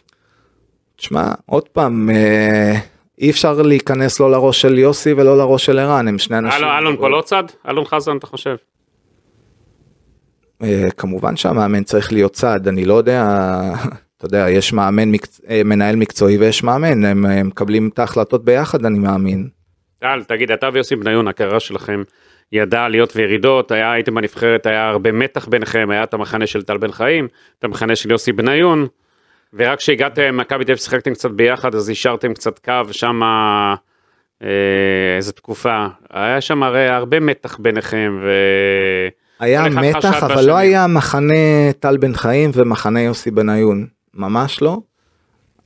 היה מתח באוויר, כן, אבל לא היה מחנה, לא היה, לא היה איזשהו פיצוץ, לא היה לא איזשהו פיצוץ, אבל קרע. השחקנים שהיו איתך, ושחקנים איתו, אני זוכר את זה, סקרתי. היה לפעמים שחקנים איתי, למחרת הם כן. איתו, לפעמים שחקנים איתו, למחרת הם איתי, אז כולם היו כזה ביחד, לא היה ממש לא מחנה, אני, מחנה, הקפצת אותי, נזכרתי תקופת אבי באמת, תקופות קודמות. כן, כן, אה, לא, לא היה, תגיד, טל, אה, בס- בספר אה, יש לך פרק נפלא על אח שלך, איך אתה מביא אותו למבחנים בבולטון.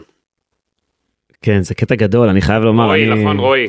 כן, מה, תן לנו קצת את ה...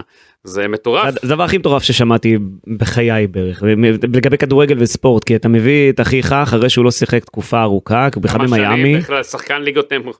במיאמי. במיאמי הוא משחק בכדורגל חובבני, מביא אותו לפרמייר ליג עם סם, נכון? ו- ו- איך אתה מעז בכלל? אתה מעז כזה דבר, זה מטורף. אי אפשר אה, תספר רגע את כל הסיפור על אחיך. אי אפשר לאמות את פיו של אה, עמנואל, עוד פעם עמנואל הגדול.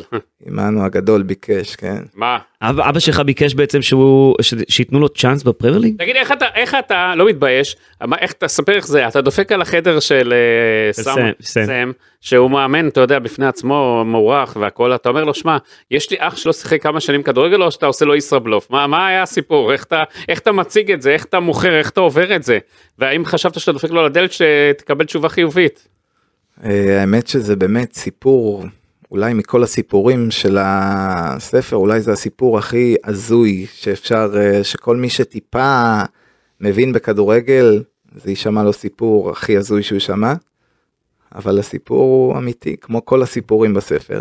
תן אותו רגע, תספר מה מה הסיפור. אחי, אני התחלתי לשחק בראותי את אחי הבכור, ככה זה הכל התחיל, מהקינה הזאת שראיתי את אחי, הוא שנתיים וחצי מעליי, ומאוד רציתי להוכיח לאבא שלי שגם אני טוב וגם אני יכול. כי אחי באמת נולד עם הכדור בין הרגליים ממש. כישרון יוצא דופן. והחלטות לא טובות ומזל ופציעות וצבא והובילו את הקריירה שלו. לו את האופי שלך.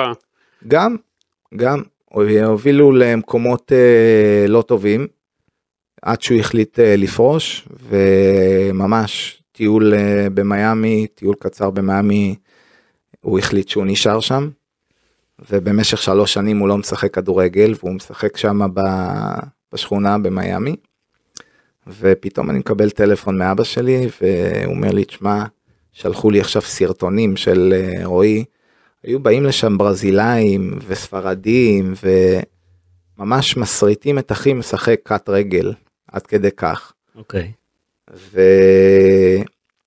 ואז אבא שלי מקבל סרטון של פעלולים שאחי עובר פתאום שלושה שחקנים ונותן גול אדיר. והוא אומר לי, אני שומע את אבא שלי כבר, אני שומע את הדמעות מעבר לקו. ואבא עד היום יש לו עין אחת אה, שמחה ומחייכת ועין אחת עצובה מאוד על הקריירה ש... של אחי. ומה הוא אומר לך בעצם? הוא אומר לי, תשמע, זה איך זה יכול להיות שהוא לא כוכב עכשיו ב, ב, והוא לא בנבחרת ישראל, והוא, זה, זה פשוט הזוי. וכן, לפעמים הכדורגל, אתה יודע, כישרון זה לא מספיק.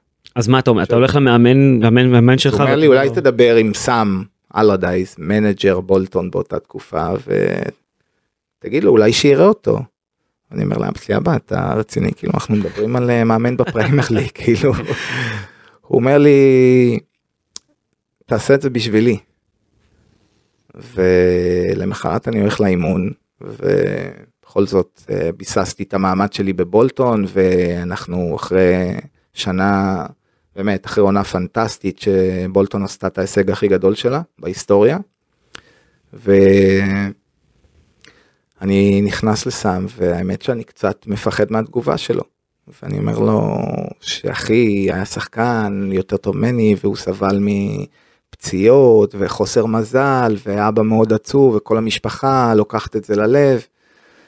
והוא מסתכל עליי והוא ראש מעליי, ואני מפחד מהתגובה שלו, בכל זאת, אתה יודע, אה, פתאום הוא מסתכל לי בעיניים ואומר לי, no problem, bring him over. גדול. כן? ואני מתרגש, הלב אה, באמת דופק אה, בהתרגשות מאוד גדולה. אני מעדכן את אבא שלי, ואני מחכה לשעות אה, אחר הצהריים, שיהיה בוקר במיאמי, ואני מעדכן את אחי, והוא בהלם, הוא אומר לי, תגיד, כאילו, אתה, אתה מבין ששלוש שנים אני לא משחק כדורגל, אני משחק בשכונה בשביל הכיף. ועשו לו תוכנית חזרה עם. הוא בא להתאמן איתך בעצם. חצי שנה הוא היה איתי צמוד. כן. ו- ומה קורה? בסוף אה, לא היה לו דרכון, כמובן שבספר אני מספר את כל הסיפור לפרטי פרטים. סם אומר לך, אתה בא, עשית עליי פרטי או משהו? לא חששת מזה? לא, האמת ש... בסוף אומר אין לו דרכון אה, אירופי או כן. מספיק הופעות בנבחרת. כן, ומי חשב בכלל על נבחרת? שבאותה? תקופה, כן, אה, יכולת לשחק באנגליה רק אם אה, היה לך דרכון אה, אירופאי או... זאת אומרת הוא רצה להחתים אותו, אבל זה מה שמנע ממנו להצטרף לפרמייר ליג. אתם לא מבינים כנראה איזה שחקן אחי.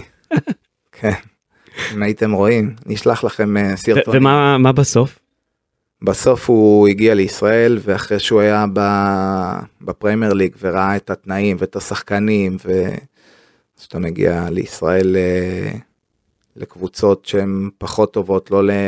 לא לקבוצות הגדולות בישראל אז אה, מהר מאוד הוא התייאש וחזר למיאמי. והוא עשה דברים באימונים נכון? זאת אומרת הוא עבר שחקנים גדולים. היה היה תקופות שהוא לא יכל לתת פס אה, על חמש מטר כן. ממש והכדור פתאום בורח לו והיו אימונים שהוא עובר שלושה וארבעה שחקנים בפרמייר ליג בכזאת קלילות וואו. כן תשמע זה אחד הסיפורים הגדולים. אני חייב אני חייב לומר. תגיד, תגיד לי, טל, אה, למה בחרת בסופו של דבר ללכת, התחלת, הרי היית כבר מאמן הגנה של נבחרת ישראל, אה, התחלת קריירת אימון, ואז בחרת לעשות סוויץ' ולהיות סוכן. למה ויתרת להיות בצד המקצועי וללכת להיות סוכן?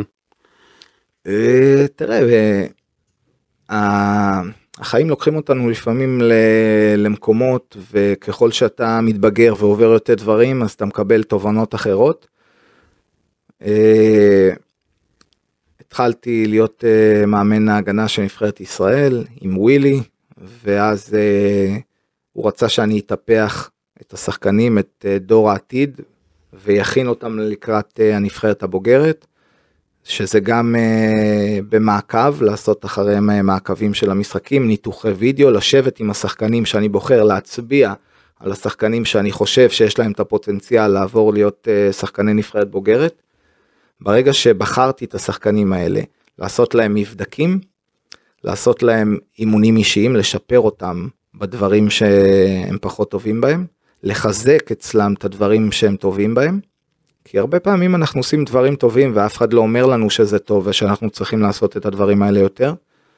אה, אז לשבת בניתוח וידאו אחד על אחד, להראות להם בדיוק את כל הנקודות, לבנות להם תוכניות לחדר כושר, תזונה, ממש לפתח אותם ולהכשיר אותם לנבחרת הבוגרת. ואורן חסון רצה שזה יהיה אורן חסון באותה תקופה שהיה יושב ראש ההתאחדות לכדורגל. הוא מאוד מאוד אהב את הרעיון הזה וחשב שזה דבר אה, הכי טוב שאפשר לעשות עבור נבחרת ישראל, אבל הוא רצה לעשות את זה מהנערים, מהילדים והנערים והנוער, ולא רק אה, השחקנים הבוגרים, שאני אכשיר אותם לבוגרת. ווילי לא הסכים לזה כמובן, כי הוא היה לו צורך מיידי שהכשירו לו שחקנים תוך שלושה ארבעה חודשים לנבחרת הבוגרת. בתהליך מאוד uh, סזיפי, מאוד, uh, אתה יודע, צריך להשקיע בכל אחד ואחד, uh, כי כל שחקן צריך דברים אחרים לשפר. ואז זה נפל. ואז uh, אורן חסון אמר לי לבנות תוכנית כזאת לחמש שנים, וישבתי כמה חודשים ובניתי תוכנית, פרופיל של השחקן האירופאי, אה, ממש תוכנית מאוד אה, מפורטת. ושדיברתי על זה עם אורן, הוא אומר לי, תשמע, זה נשמע ממש ממש טוב, אבל התקציב הוא לא בלתי מוגבל. אז uh, ברגע שראיתי שזה המצב, כן, אז החלטתי שאני רוצה לקחת את השחקנים שאני מאמין בהם, ולפתח אותם וזה מה שאני עושה עם השחקנים שאני מייצג אותם, אני נותן להם את כל המעטפת. אין פה תוכנית עסקית טובה, זה לא, ממש לא רווחי לקחת אה, ילדים בני 14, שאתה לא יודע אולי אם הם יצאו שחקנים או לא, אבל אה, הרכבתי צוות מאוד טוב של, אה, של סקאוט ואנליסט שהוא הכי טוב בארץ, אז צירפתי אותו אליי, ואנחנו עושים תהליך אה, מאוד, אה, מאוד עמוק, שאנחנו בוחרים את השחקנים הצעירים שיש להם פוטנציאל, ואת מה ש... שלא עשיתי בתור אה, איש מקצוע של הנבחרת, אז אני עושה באופן עצמאי, את השחקנים שאני מייצג אז אני עובד איתם, עושה להם ניתוחי וידאו, אימונים אישיים, תזונה, חדר כושר, בדיקות מהירות, אחרי, אחרי חצי שנה אנחנו עושים להם שוב בדיקות מהירות, אנחנו רואים את ההשתפרות שלהם, את. את הגרף הזה, איך הם משתפרים, ומבחינתי אה, זה סיפוק מאוד מאוד גדול. על מה מבחינתך הספר, מה השיא של הספר? הפרק שהכי אתה... האירובי מדרגה הקל. מה... אז השיא, תשמע, יש הרבה, יש הרבה דברים שהם אה, מאוד מאוד משמעותיים, כי בסופו של דבר, להיות uh, שחקן כדורגל, או להיות, uh, להיות שחקן כדורגל ברמות הגבוהות, או להיות uh, איש עסקים מצליח, או להיות כל דבר שבעצם אה, אם אנחנו לוקחים את האנשים הכי מצליחים בעולם, אז הם חוו הרבה מאוד משברים והרבה נפילות, והם התאמנו יותר מכולם, ועשו חזרות ותרגול יותר מכולם. אז הספר ממש הוא לוקח... אבל מה נגיד, מה הרגע שאתה הכי, מבחינתך, הכי מזדהה איתו, כאילו מבחינתך זה הפרק שהכי חשוב לך, על אברהם, על זה, מה? כאילו שהורדת את האבן. אני חושב על המשפחה יותר. אני לא בטוח. אני חושב שהפרק, ש... אה, התמיכה של המשפחה הייתה שם תמיד, כן. אה, ובלי המשפחה שלי, כאילו, אני חושב שלא הייתי בוודאות, אני יכול אה, להגיד שלא הייתי מגיע לשום דבר, כי זה הרבה פעמים הסביבה שאנחנו גדלים בה והתמיכה שאנחנו מקבלים, ומתי שאתה מקבל את התמיכה הזאת, אתה גם מפתח את החוסן המנטלי הזה לבד. אבל אני חושב שהסיפור הכי משמעותי, שזה הסיפור הראשון שאני בעצם אה, זוכר את עצמי. מה שאני זוכר את עצמי בכדורגל זה הסיפור הראשון שאני יורד עם אבא שלי ואחי הגדול למגרש ביום שישי ואבא שלי אומר לי תשמע אתה עדיין קטן מדי לשחק כדורגל. בן כמה היית אז? בן שש. תחכה קצת שתגדל. אתה זוכר את זה? אני לא יכול לשכוח את זה אני לא אשכח את זה. אתה הרי עוד uh, שבועיים בין 41 ואתה זוכר משהו מלפני 35 שנה? כן. יש דברים שנצרבים לך בזיכרון, שאני זוכר גם בדיוק את המשפטים, מה מלמלתי לעצמי. נפגעת מאבא שלך? אז. מאוד, באותו, באותו רגע. אה, הלכתי לקיר, הוא אמר לי שאני עדיין קטן מדי לשחק עם הגדולים, וכל ילד אחר בן שש, אתה אומר לו את זה, אז הוא בא, יושב שעתיים וחצי, שלוש, אה, שאבא שלו ואחיו הגדול שמעריץ את שניהם, משחקים אז אה, כל ילד אחר יושב ומסתכל עליהם. ובוכה קצת בהתחלה. אולי אבל יושב ומסתכל עליהם. וברגע שהוא אמר לי את זה לא רציתי להסתכל הלכתי לקחתי כדור ובמשך שעתיים וחצי שלוש שעות בעטתי מול הקיר בימין ובשמאל והצבעתי על אותה נקודה פגעתי באותה נקודה ניסיתי לפגוע כל הזמן. תיתן לעצמך משחק כזה פנימי. כן. והשתלטתי על הכדור ועוד פעם והשתלטתי על הכדור ועוד פעם לקיר. ואני זוכר גם שהייתי ממלמל לעצמי, אני אראה לו מה זה קטן. קטן, אני אראה לו mm. קטן, אני אוכיח לו. אני... אולי זה מה שבנה אותך.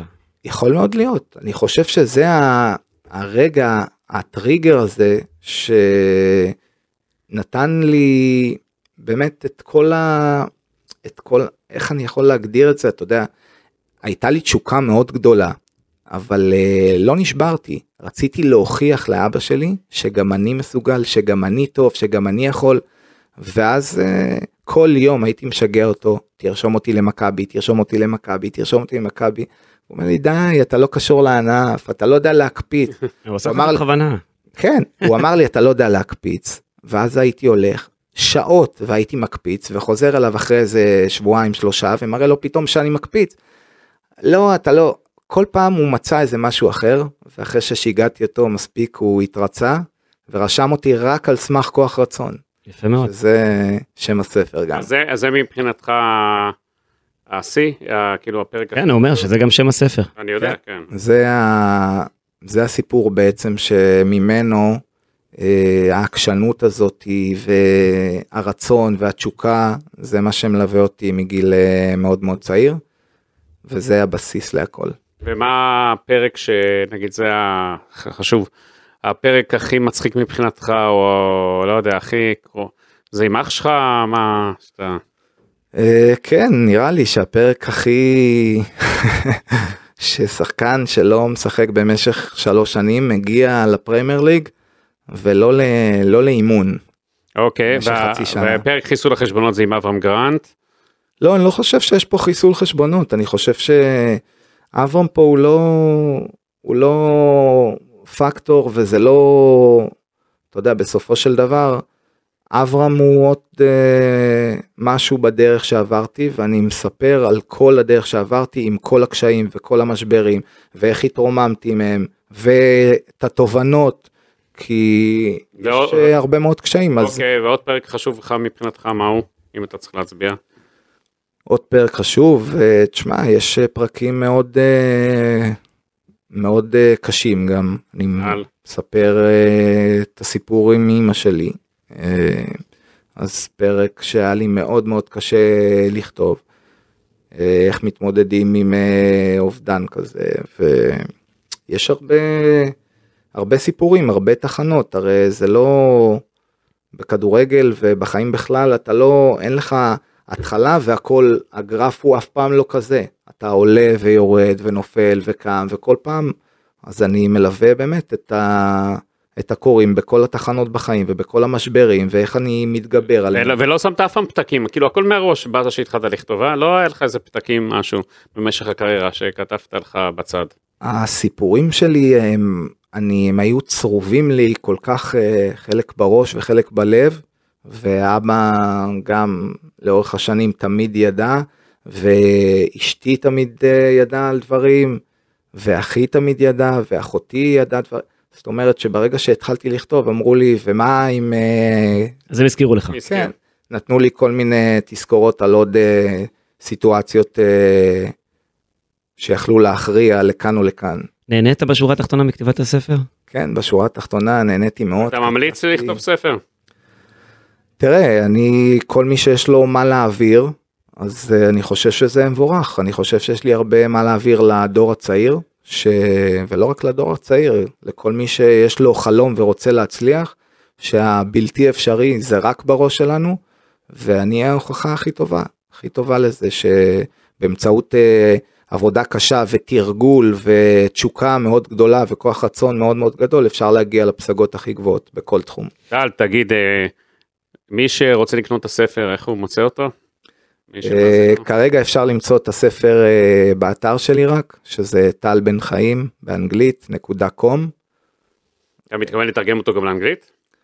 אני כרגע חושב על זה. נראה לי שזה יעשה כותרות באנגליה, אתה יודע. אה, כן, האמת שדיברתי עם שחקן מאוד מוערך באנגליה, שעברתי איתו על כל הדברים, המליץ ג'ון לי טרי, גם. ג'ון טרי עברת, אה? לא, לא, בלי ג'ון- שמות. ג'ון אה, יודע על ה... הקראת לו את הפרק עליו? שלחת לו? כמובן שהוא יודע הכל. הבנתי. מה הוא אמר? go for it. זה, תשמע, זה... עוד פעם, זה לא רק אה, ג'ון, יש עכשיו, אה, הרבה... טל, אתה גם עושה עכשיו סרט על עצמך, מה? תספר לנו. לא, אנחנו בחיתולים. בודק את זה. עוד בודק את הוא זה. גם אה, נהיה מנחם גולן עכשיו. למה לא? למה לא? מה, זה. יפה, אני בעד, אני בעד. טל, אה, תודה רבה על השיחה לכם. הזו, היה באמת מעניין, ואנחנו ככה נתנו בקטנה כמה ספוילרים, זה לא הסיפורים המלאים, הסיפור על אחיו למשל, יש עוד הרבה פרטים, יש עוד הרבה דברים, אנחנו נגענו ככה טל גם בקטנה, שמר, הוא רוצה, אתה יודע, שאנשים אה, ברור, יזמינו את הספר ויקראו. אבל הייתה הוא שיחה- ידפיס- הוא כנראה ידפיס עוד מהדורה אחרי זה. הייתה שיחה באמת אה, מעניינת, אז אנחנו מודים לך מאוד על הזמן שהקדשת לנו. תודה לכם. אה, בהצלחה עם הספר, בהצלחה עם המכירות. תודה רבה. ואם אתם האזנתם עד לפה, לכו לקנות אחלה ספר. תודה. תודה רבה.